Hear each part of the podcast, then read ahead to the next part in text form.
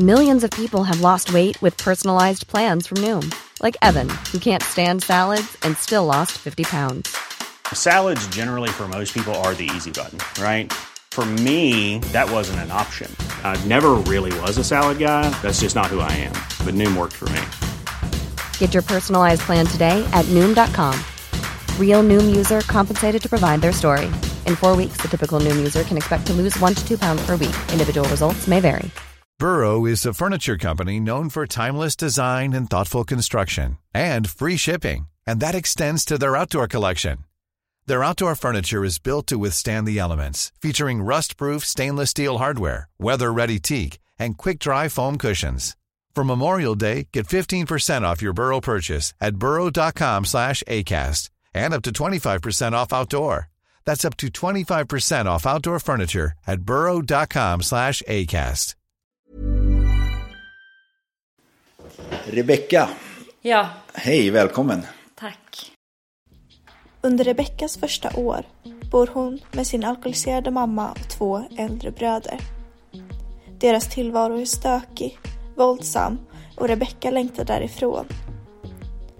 När socialtjänsten gör ett akut omhändertagande av henne och ena syskonet så växer hoppet om en ljusare framtid. Livet hos den nya fosterfamiljen ska dock komma att bli allt annat än ljus. Ni lyssnar på del 1 av Brottsofferpodden miniserie säsongsavslutningsspecial av Joakim Lindén Kastenbäck och producent Ellen Nilses. Det här är Rebeckas berättelse.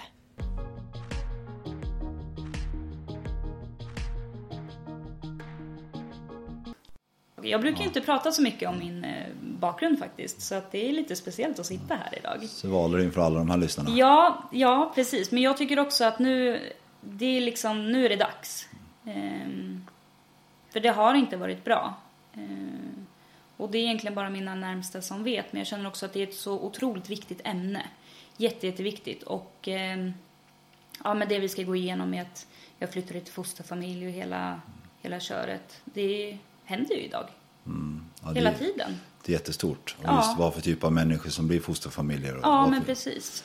Ehm, så att ehm, jag själv har inte hört så många poddar om det här, så att, eller poddavsnitt, så att kul ändå att få bidra till och få berätta det jag varit med om. Ja, jag är jättetacksam. Så Mm. Så kan vi börja lite. Vem är Rebecka? Ja, jag är 28 år idag, pluggar till eh, sjuksköterska. Eh, alltid varit intresserad av vården och ta hand om människor. Eh, och kommer som sagt från en uppväxt där jag har både mamma och pappa som är missbrukare. Eh, uppväxt med min mamma. Träffade min pappa första gången eh, när jag var 24, tror jag att det var, när jag tittade rätt. Så att jag vet inte eh, egentligen hur det är. Eh, jag vet bara att han inte har funnits där. Eh, Vad hade du för typ av uppväxt då? Nej men som sagt, jag växte upp med min mamma. Eh, jättekärleksfull. Eh, och det här, jag känner också lite det här att nu kommer vi prata väldigt mycket om hur trasig uppväxt jag faktiskt hade. Men på något sätt så vill jag också, de som lyssnar,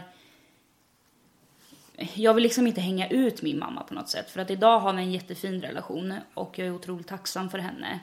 Eh, och kan idag förstå vad hon har kämpat. Eh, som jag har förstått ju äldre jag blir. Eh, hon har varit ensamstående med mig och eh, tre bröder. Alla har ADHD, eh, haft jättemycket problematik. Eh, alla har haft tufft i skolan, vi har liksom gått igenom mycket allihopa. Men eh, ja, jag växte upp med henne. Det var bra när jag var liten kunde jag komma ihåg. Det var liksom, det har inte varit något konstigt. Det var städat och fixat och donat och allting hemma. Men ju äldre jag blev så började jag inse att alkoholen tog över. Så, att, så du kunde se att alkoholen var ett stort problem? Ja, ja men verkligen. Eh, ja, för det har aldrig varit något, något prat om att det inte har funnits kärlek eller omtanke i familjen. Eh, eller att hon inte har brytt sig om oss. Eh, för det har hon.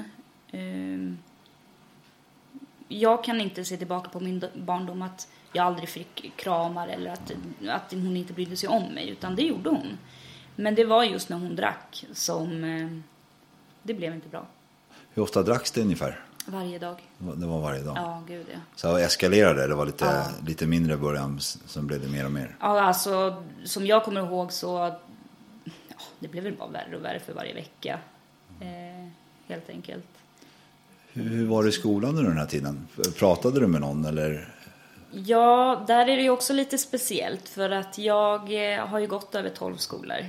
Eh, för att vi har flyttat runt en hel del.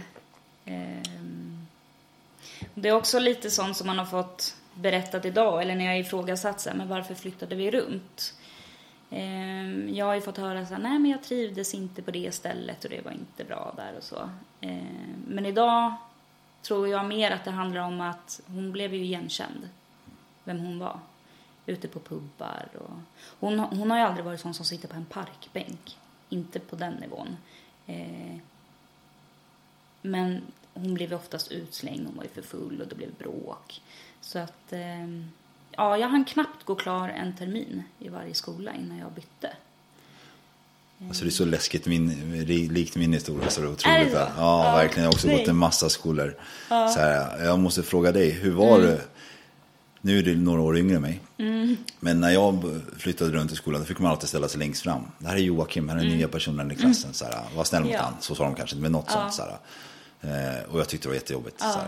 Hur var det för dig när du hoppade runt i skolor? Det var lite samma. Eh, Gud vad kul, nu har vi en ny elev i klassen. Välkommen fram och presentera dig. Ja.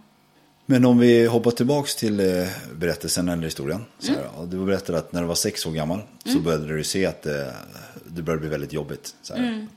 Olika killar hade kommit så här. Hur, och du har redan börjat flytta runt en del. Mm. Eh, hur, fortsätt, hur fortgår det här? Blir det att ni får någon koll hemma eller är det så att fasaden eh, hålls upp en stund till? Nej, den hålls upp. Den hålls upp. Ja. Eh, det var ingen som visste någonting. Eh, vad jag vet i alla fall och vad jag fortfarande vet idag.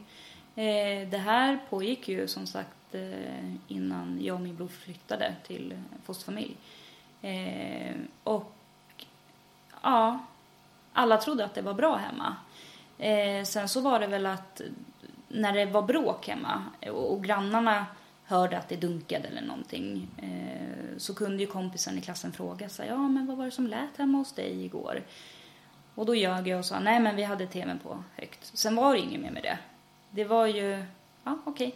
Och du berättade inte för någon, inte någon kompis eller någonting? Nej, in, inte i början, inte de första åren. Var det, någon, var det någon på skolan, någon lärare eller någon kurator eller någonting som frågade? Nej. Ett litet barn är ju eh, en mästare på att, på att fejka, det tror jag. Så här. Men jag tror också att är man vaksam så ser man ganska snabbt på ett barn som inte mår så bra Mm. också. Ja, Men du sa att du hade. Mm. tre bröder, hur, hur var de med allt det här? Eh, det är också lite speciellt. Eh, min mamma blev gravid när hon var väldigt ung, redan när hon var 14. Eh, så att eh, min ena bror bodde aldrig med oss, utan det var min mormor som tog hand om honom. Men sen är jag då uppväxt med eh, mina två andra bröder. Och eh, ja, det har också varit, det har varit kaos. Eh, Var de äldre eller yngre? äldre. Mm. Eh, det har varit mycket bråk där också. Eh, ja, som sagt, de har ju ADHD, grov ADHD. Eh, aldrig riktigt fått hjälp med det, medicinering eller utredningar och så. Eh, så det har varit mycket bråk, mycket slagsmål. Eh, lägenheter som har slagits sönder. Är det med mammas killar och bröderna eller är det bröderna sinsemellan? Eh, blandat är det. Eh, ja. Så att eh, varje lägenhet vi bodde i var ju, när vi flyttade därifrån var ju allt sönderslaget. Det var ju hål i alla väggar. Sa din mamma typ att Nej, men jag, jag, ska, det ska slut, jag ska få slut på det här, jag ska sluta dricka eller jag ska lämna honom och Alltså jag tror inte riktigt att jag förstod när jag fortfarande var Ja, alltså i alla fall när jag var från sex kanske till nio, tio år. Tror inte jag riktigt att jag förstod. Jag förstod att alkoholen var ett problem. Men jag förstod ändå inte riktigt att inte andra hade det så. Eh, sen förstod jag väl kanske någonstans att man kanske inte gör det här varje dag eller man bråkar inte på det här sättet. Men ja, jag vet inte. Jag kan inte minnas tillbaka att jag såg på det så allvarligt när jag var, var mitt i allt. Utan jag var bara så här, ja men det här är min vardag, det är så här vår familj lever. Det blev normaliserat. Ja, och så var det. Och ja, vi bodde på en, på en ort ja, ett halvår. Sen var det dags att flytta och då var det liksom, rullade det på igen och så var det liksom samma historia på varje ställe. Ja, det är så, så hemskt på något sätt egentligen. Men, men ja, jag vet inte vad jag ska säga. Det är hemskt. Eftersom jag verkligen gått tillbaka till min egen känsla kring de här situationerna också. Att, ja, det, att det ändå rivs igen lite varje gång. Så här, Att den här tryggheten och otryggheten bara ry, ry, ry, rycks ifrån. Och man kommer till ett nytt ställe och, och det blir samma sak där. Ja, för det var också lite så här. Jag har ändå alltid varit öppen och, och haft lätt för att få vänner. Så det har inte varit något problem för mig i skolan varje gång jag har bytt. Eh, men det var lite det som också var jobbigt, att när jag precis hade landat och började känna mig trygg i skolan, hade kommit in, ja då är det dags att flytta igen. Ah, det är så sjukt när man ser tillbaka på det. Men alltså du sa också att eh, du skulle bli utplacerad. Och minns du vad som hände när de kom? Mm. Eh, och det är också ett väldigt speciellt tillfälle i mitt liv. Eh, jag var ute, eh, jag kan inte riktigt säga när det var. Det enda jag minns är att det är mörkt ute. Jag, det är någon gång på kvällen, sent på kvällen. Jag är ute och promenerar med min mamma och hennes kille och min bror. Så kommer det två soc-tanter bakom oss eh, och presenterar sig och eh, ber oss sätta oss i bilen. I princip. Eh, och du vet, man förstod inte så mycket. Eller jag var så här, ja, okej, ja, jo, ja, då gör jag väl det då, om du säger att jag ska göra det. Ehm, så det slutade med att vi satte oss i bilen. Vi visste inte vad det handlade om, så att jag minns inte ens om vi sa hej då till mamma eller inte. Jag kommer inte ihåg det. Men de skjutsade oss till McDonalds. Vi sätter oss där och de berättar vilka de är igen.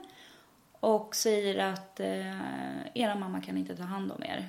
Eh, så att eh, ni kommer få flytta till en annan familj. Vad får du för känsla när du hör de här orden? Mm, då tänkte jag, gud vad skönt. Ja, du tänkte det. Ja. Samtidigt som jag såg min bror sitta mitt emot mig och han började ju storgråta. Och bara nej, jag tänker inte flytta ifrån mamma. Och jag tänkte så här, åh, äntligen. Äntligen är det någon som ser och hör. Eh, som kommer hjälpa oss nu. För att jag orkar liksom inte. Eh, jag fick ju liksom ta det stora lasset hemma och se till att ja, men som sagt, jag har alltid tagit hand om människor och då har det varit så självklart att jag tar hand om min mamma. Eh, när hon har varit full och det ska städas och fixas och donas. Och det har väl inte riktigt min bror gjort. Eh, så han var ju så himla uppgiven att nu skulle han flytta ifrån sin trygga punkt. Medan jag kände så här, men gud vad skönt. Nu kommer jag bara få vara barn. Pratar de med er också om vad, alltså hur det skulle gå till? Eh, varför de gjorde det? Så här, de det några, några, några mer förklaringar framförallt till, framförallt till din bror då? Mm, alltså jag har inte jättestarka minnen av själva samtalet. Eh, så det kan jag faktiskt inte riktigt säga. Eh, utan det, det minnet jag har, det är att jag säger så ah, nej jag måste bara gå på toaletten. Så gick jag in på toaletten, så tittade jag mig i spegeln och så ler jag och bara yes, nu äntligen. Fan vad skönt. Ja, vi är också så här... På något sätt får jag så här känsla av att det är så hemskt att en 11, snart 12-åring får den känslan. Fast jag är ju tacksam att du får den känslan med tanke på att du kommer ifrån det här som en strul. Men ändå att en 11-12-åring ska inte behöva få den känslan för att det innebär att den har varit ett, ett helvete. Ja, ett precis. Eh, och jag, ja, men jag kommer verkligen ihåg den här lättnaden. Ja, gud vad skönt det ska bli. Men om jag bara då visste vad som komma skall. Om du bara då visste. Ja. Verkligen. Ja, då hade jag nog inte stått där och tänkt vad skönt. Ja, det, jag skrattar igen. Alltså, men jag vet ju redan Ja. lite vad som vad händer. Det är bland annat därför vi sitter här idag också, Rebecka. Mm. Så här, men Vad är det som händer direkt efter? Ni, sitter på McDonalds, din bror är eh, ledsen och uppgiven. Så här, och du känner typ så här, äntligen har jag blivit sedd, äntligen någon som ser vad som händer. Så här, och nu kan jag få lite lugn och ro. Så här, Och lite trygghet. Så här. Vad, jag antar att ni hoppar in i bilen igen efter Ja, McDonalds. Vad precis. blir ni förda då? Ehm, då åker vi bara någonstans. Jag visste inte vart. Ehm, de kanske nämnde det någon gång, men det var inte så att jag har ett tydligt minne av att de hade sagt att nu ska vi hit. Ehm, utan vi åker någonstans och ehm, ja, de släpper av oss hos en familj. Ehm, en finsktalande familj. Ehm, och vi förstår ju inte så mycket när vi väl är där. De pratar finska med varandra. Ja. Det känns ju tryggt. De pratade igen. ju svenska också, men valde att inte göra det. Eh, när SOS var där så pratade de ju svenska eh, och var jättetrevliga. Men eh, så fort de gick så, ja, så var det liksom deras språk och sen så var vi inte sedda när vi var där. Fanns det fler barn i den här familjen? Ja, det fanns det. Var det deras egna eller andra? som- Eh, nej, det var andra. Eh, men de hade väl bott där ett tag. Eh, också, som jag minns, i alla fall två utav dem var finsktalande. Okej. Ja. Och hade bott där som sagt ett tag. Jag tror till och med ena kallade någon för mamma och pappa. Okej. Men eh, första känslan, är den bra eller att det blev direkt konstigt så fort de här så, så kallade tanterna går därifrån? Eh, jag kommer ihåg att jag tyckte att det kändes obehagligt. Det jag hade målat upp var så här, nej men nu kommer jag komma till en familj och de kommer eh, vara där med saft och bulle. Nej men alltså att man i alla fall fick ett varmt välkomnande. Men det var så himla, himla kallt när, när man kom dit. Eh, det var ju också samma sak, vi fick ju inte gå in och packa våra grejer utan det var ju eh, SOS som gick in och packade en väska. Och eh, då fick vi inte säga hej då till mamma utan då eh, var det bara tack och hej. Eh, och då kommer jag ihåg att jag gick in där med min lilla väska. Eh, och sen när de gick så ja, blev vi visade ett rum eh, nere i källaren. Var det. Hos den här äh, extra Ja, familjen? och det här är ju en jourfamilj då. Eh, under tiden eh, hela den här rättsprocessen med mamma eh, höll på. Ifall att vi skulle få flytta hem igen eller, eller inte. Eh, så tanken var att vi skulle bo här då ungefär två månader. Eh, men det blev väl längre än det. Jag måste ursäkta att jag avbryter nu. Om Mm. hoppar tillbaka till det här när de tog dig. De tillät Mm. inte dig er mamma. För du säger också att de ändå, när hon var nykter så visade hon väldigt mycket kärlek. Ja. Så det låter uppenbarligen att hon är en alkoholist som Ja. swishar när hon dricker alkohol. Ja. Som jag känner igen mycket väl. Eh, så att hon fick inte ens säga hej då till er. Nej. De bara ryckte er. Ja. Ja, de, de bara, och det är det som jag kan vara arg på idag och tycker att man gör inte så. Eh, speciellt inte mot ett barn som redan är så trasigt. Man eh, försöker göra de här eh, övergångarna så smidigt som möjligt, även fast det kommer göra ont. Alltså det är klart att man blir ledsen, som min bror vart jätte, jätteledsen. Det kommer han ju bli i vilket fall som helst. Men jag tycker att man kan göra övergångarna lite smidigare än att bara ta ett barn ifrån sin trygga plats. För jag tror ju också att en, en mamma, oavsett hur den är, är den en mamma så finns det känslor. Så här, och, eh, och, och har en människa druckit på de här känslorna så har man nog ganska mycket skam och skuld. Sen att någon kommer och rycker ens barn från ens armar bara. Sen även om det i vissa fall är det som krävs bara för de är våldsamma. Jag har ingen aning. Så det finns säkert fall där det krävs. Men jag skulle vara intresserad, intressant att höra de här deras, det heter säkert inte regler, det heter säkert något annat, hur de ska förhålla sig till saker. Så här, och, och varför de har vissa, men det kan vi gå in på senare.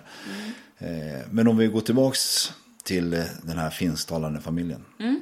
Sen när jag precis kommit dit, du berättade att ni ledde ner till källaren. Så här, och eh, från att ganska, den här känslan att och nu blir det kanske lite lugn och ro. Så, så får du direkt en konstig känsla. Ja, en kall känsla. Det är liksom, det var ingen värme överhuvudtaget när man kom dit. Eh, ja, det var lite förvaring liksom. Ja, nu skulle vi vara där.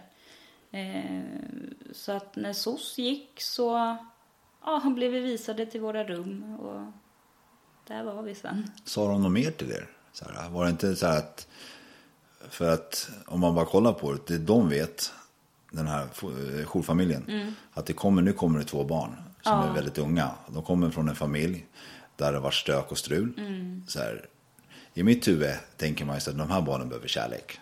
Så tänker jag, men jag kanske tänker, enligt mig tänker jag rätt. Så här, eh, Eh, och är man fosterfamilj, är man jourfamilj så borde man kanske verkligen vara utbildad på det sättet. Eller kanske gå igenom vissa... Och det här var ju då en akut situation. För det här var ju ingenting som var planerat enligt dem. Utan eftersom det blev så sent också har jag fått veta i efterhand.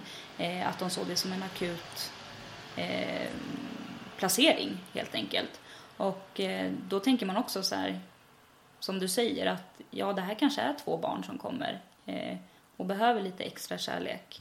Eh, men så blev det inte. Så blev det inte. Nej.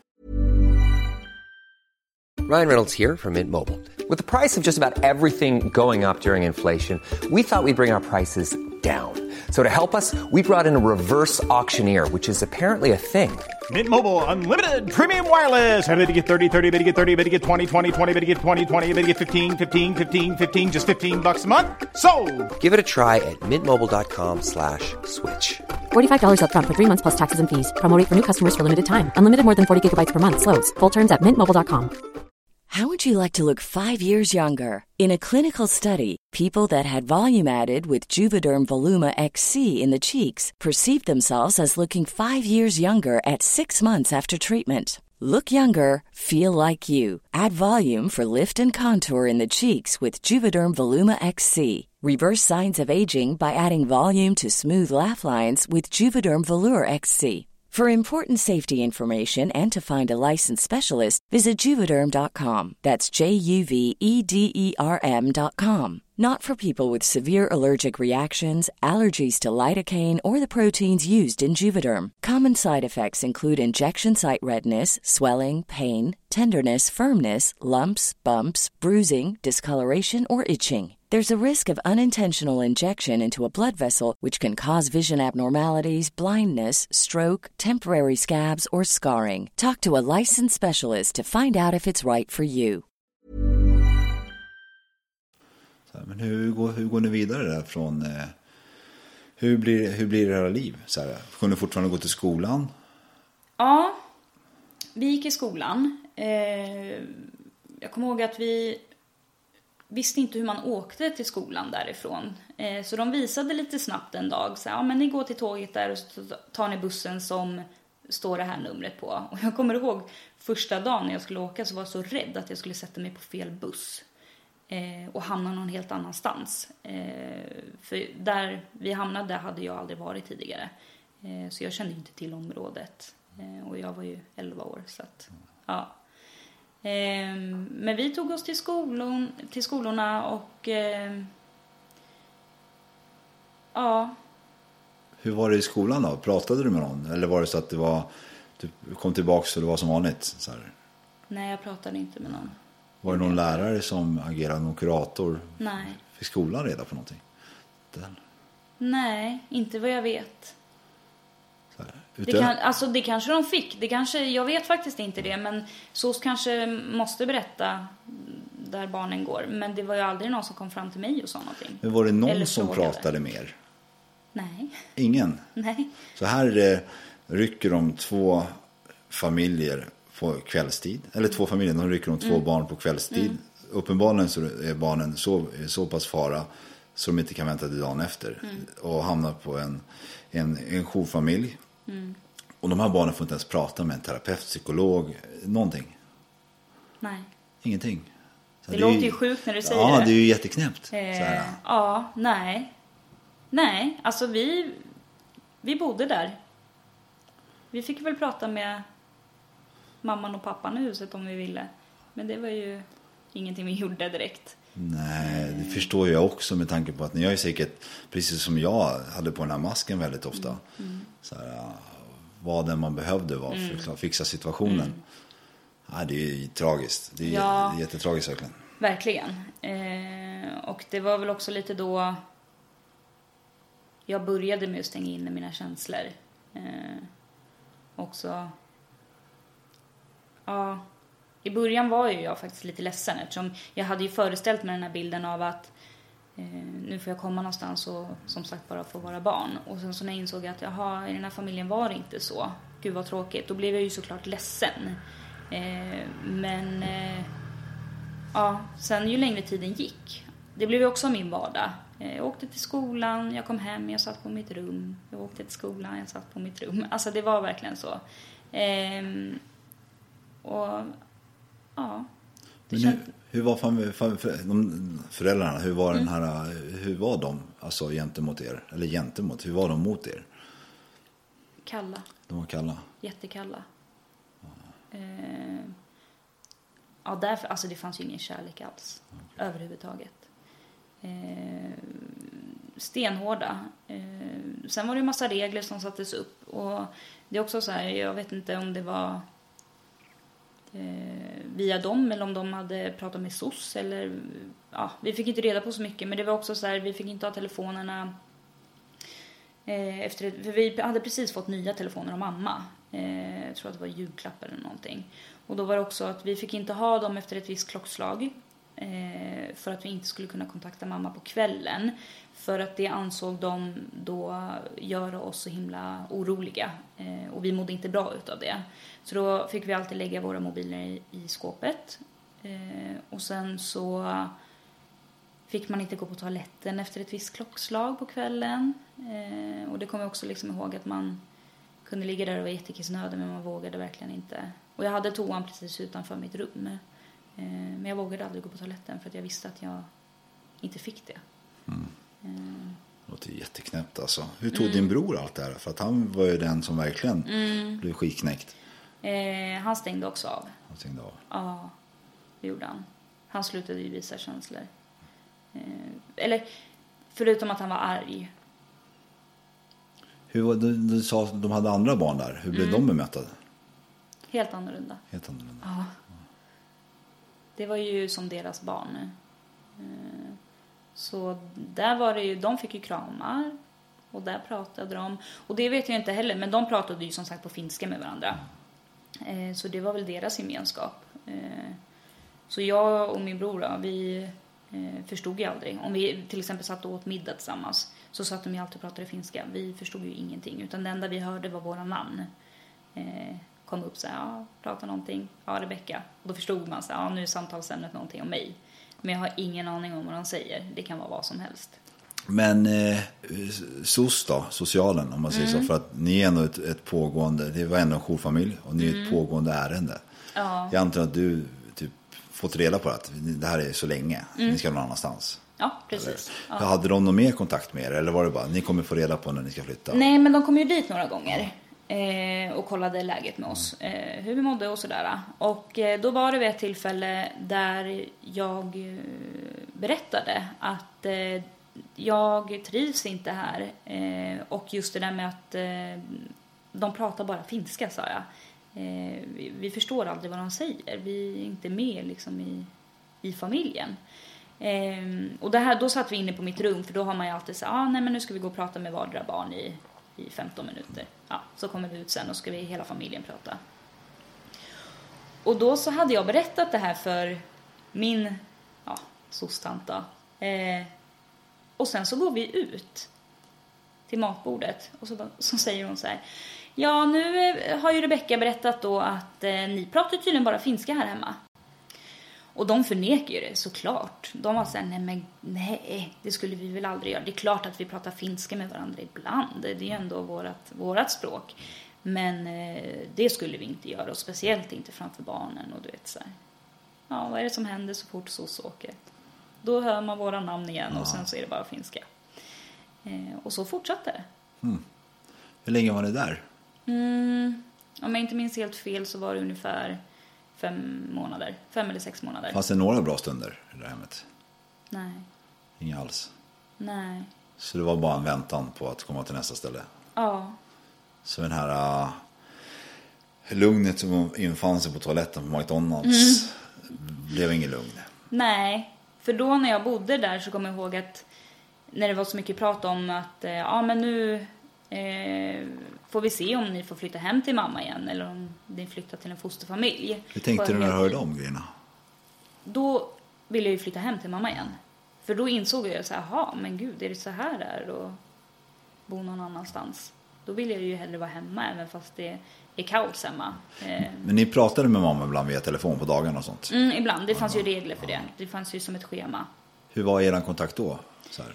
Eh, jo, alltså våran kontakt var bra då. Men förklarade hon hur hon såg på det hela, hur hon kände? Eller att, eller att, hon, att hon hade någon så här förståelse att det hade hänt, hon skulle sluta dricka eller fanns det Nej. någonting? Vi pratade inte så mycket om det.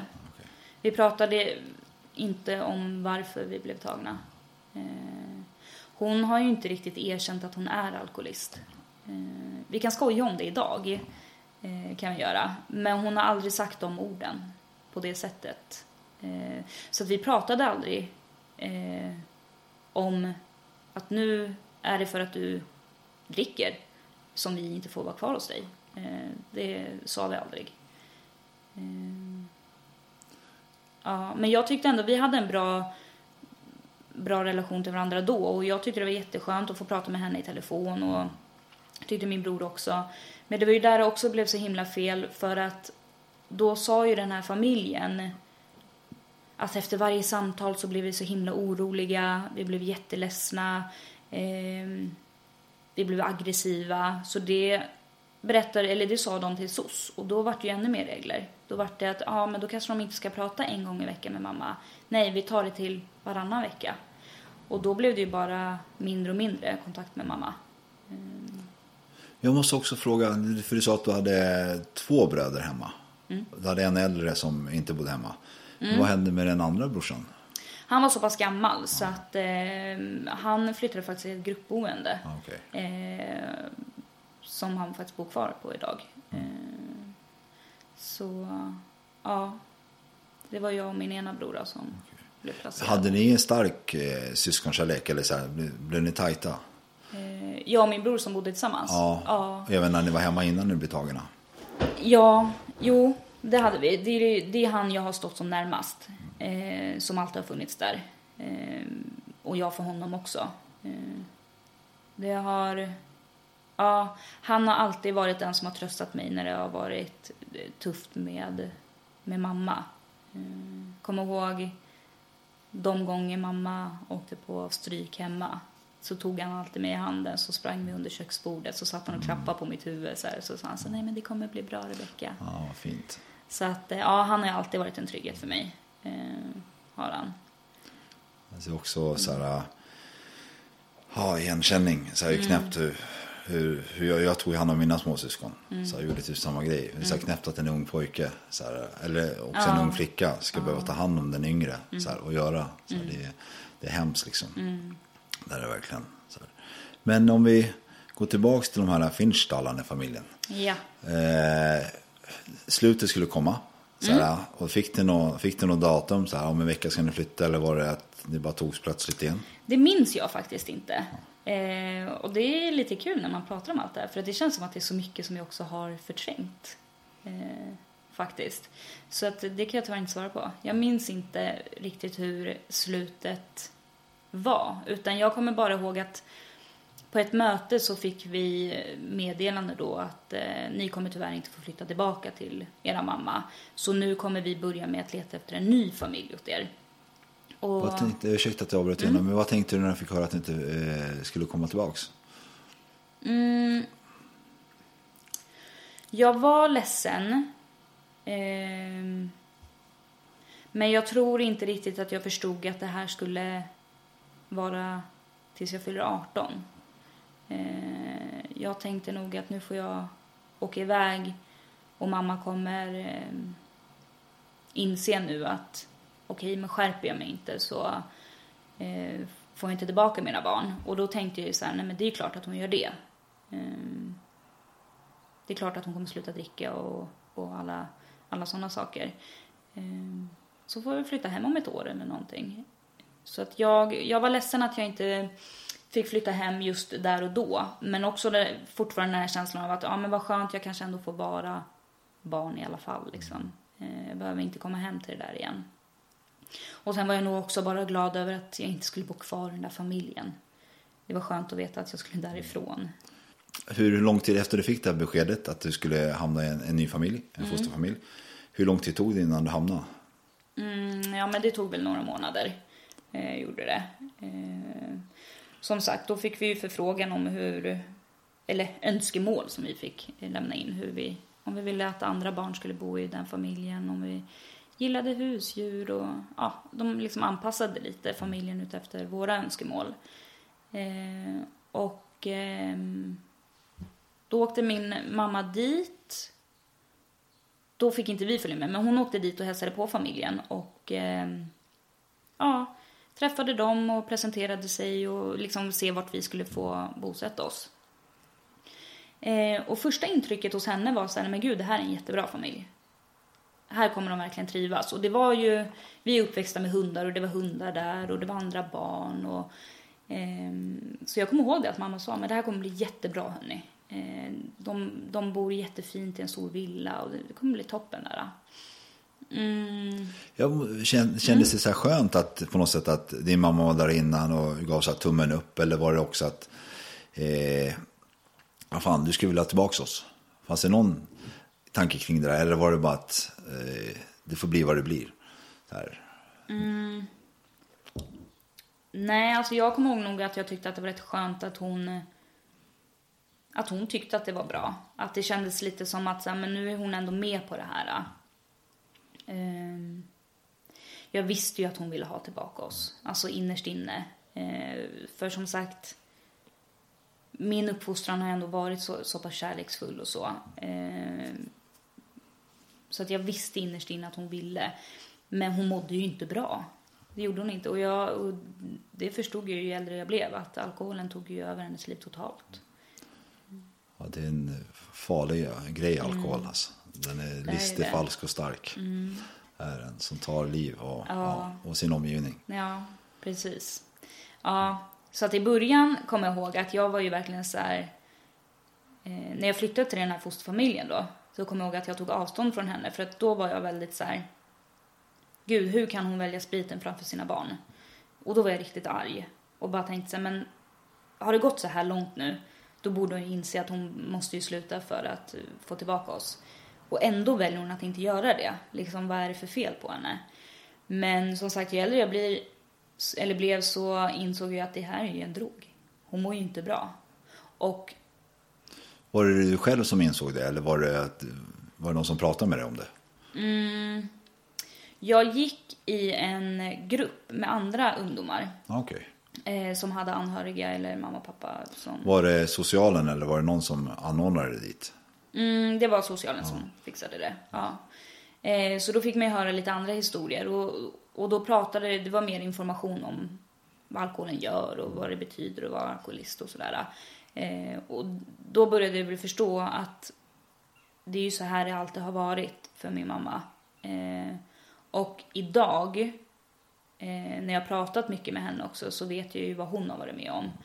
Eh, och på något sätt så kan jag verkligen tänka så här, ja, det är inte konstigt att hon har levt det livet hon har levt. Eh, faktiskt. Jag ser jätteofta, sen jag blev nykter Mm. och drogfri och började jobba lite med mig själv. Mm. Så att bland det finaste jag fått är min kärlek till min mamma. Så Mm. här, för att jag ser också precis som du ser att hon, hon är sjuk. Så här, När hon är i det där som hon fortfarande är ibland så hon är ju jättesjuk. Mm. Det är ju inte hon. Så här, när man tar bort det där så är hon ju världens kärleksfullaste människa. Mm. Ja, men det är ju, ja, verkligen. Och det, det vet jag också att det är jättemånga som har sagt till mig, och speciellt i den där gruppen så var det jättemånga som sa så här, nej men eh, jag har sagt upp kontakten med min mamma eller pappa.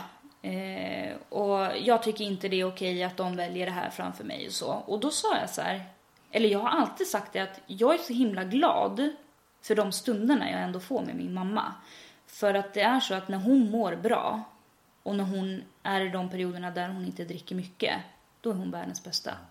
Så att jag är ju så här, våran kontakt under de senaste åren har ju verkligen varit eh, upp och ner. Det kan ju ha gått nästan ett år utan att vi har träffats. Eh, då också för att hon, hon har mått psykiskt dåligt. Eh, men sen så när vi väl ses och umgås, då har vi så himla kul ihop. Hur gammal var det när du gick den här äh, Nu bara hoppar in på, jag får höra ibland att jag är väldigt snabb på att hoppa in på nästa. Så här, så här, men det är jättefint det du säger också. Eh, men hur gammal var du när du gick den här i gruppen med andra unga? Unga? Mm. 13, 14. 13, 14. Du hade kommit till den andra, den andra familjen. Hade du gjort. Precis. Då hade jag flyttat till fosterfamiljen. Men hur var det att vara runt eh, andra i typ ungefär din ålder som har varit med ungefär samma sak? Var det, fanns det, var det en sån här skön bekräftelse att du inte var ensam om det här? Ja, det var det. Man känner sig väldigt ensam. Och eh, det har jag egentligen alltid gjort för att det var ju ingen i min klass som sa att eh, ja, min mamma dricker också eller min pappa slåss eller så här. Eh, utan det var ju ingen som visste som sagt. Det var därför också det tog så himla lång tid innan vi blev tagna. Eh, så att det var så skönt att bara sitta där och lyssna. Så här, ja, nej, men har du varit med om det? Det har jag också varit med om. Eh, så det var väldigt skönt.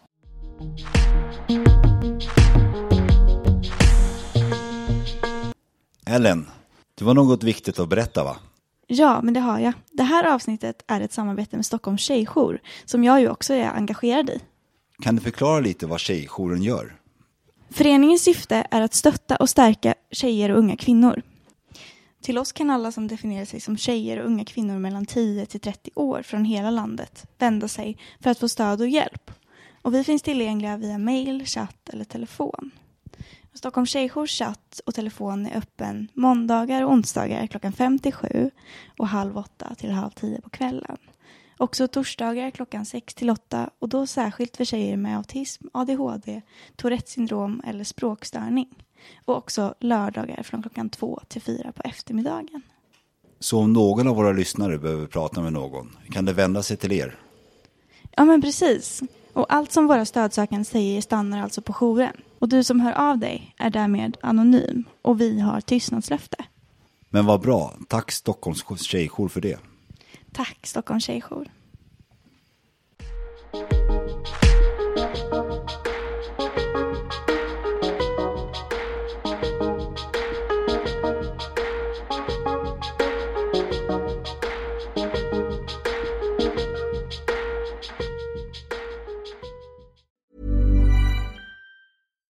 Here's a cool fact a crocodile can't stick out its tongue. Another cool fact you can get short term health insurance for a month or just under a year in some states. United Healthcare short term insurance plans are designed for people who are between jobs, coming off their parents' plan, or turning a side hustle into a full time gig. Underwritten by Golden Rule Insurance Company, they offer flexible, budget friendly coverage with access to a nationwide network of doctors and hospitals. Get more cool facts about United Healthcare short term plans at uh1.com. Hey, it's Paige DeSorbo from Giggly Squad. High quality fashion without the price tag. Say hello to Quince. I'm snagging high-end essentials like cozy cashmere sweaters, sleek leather jackets, fine jewelry, and so much more. With Quince being 50 to 80% less than similar brands. And they partner with factories that prioritize safe, ethical, and responsible manufacturing. I love that. Luxury quality within reach. Go to quince.com slash style to get free shipping and 365 day returns on your next order. Quince.com slash style.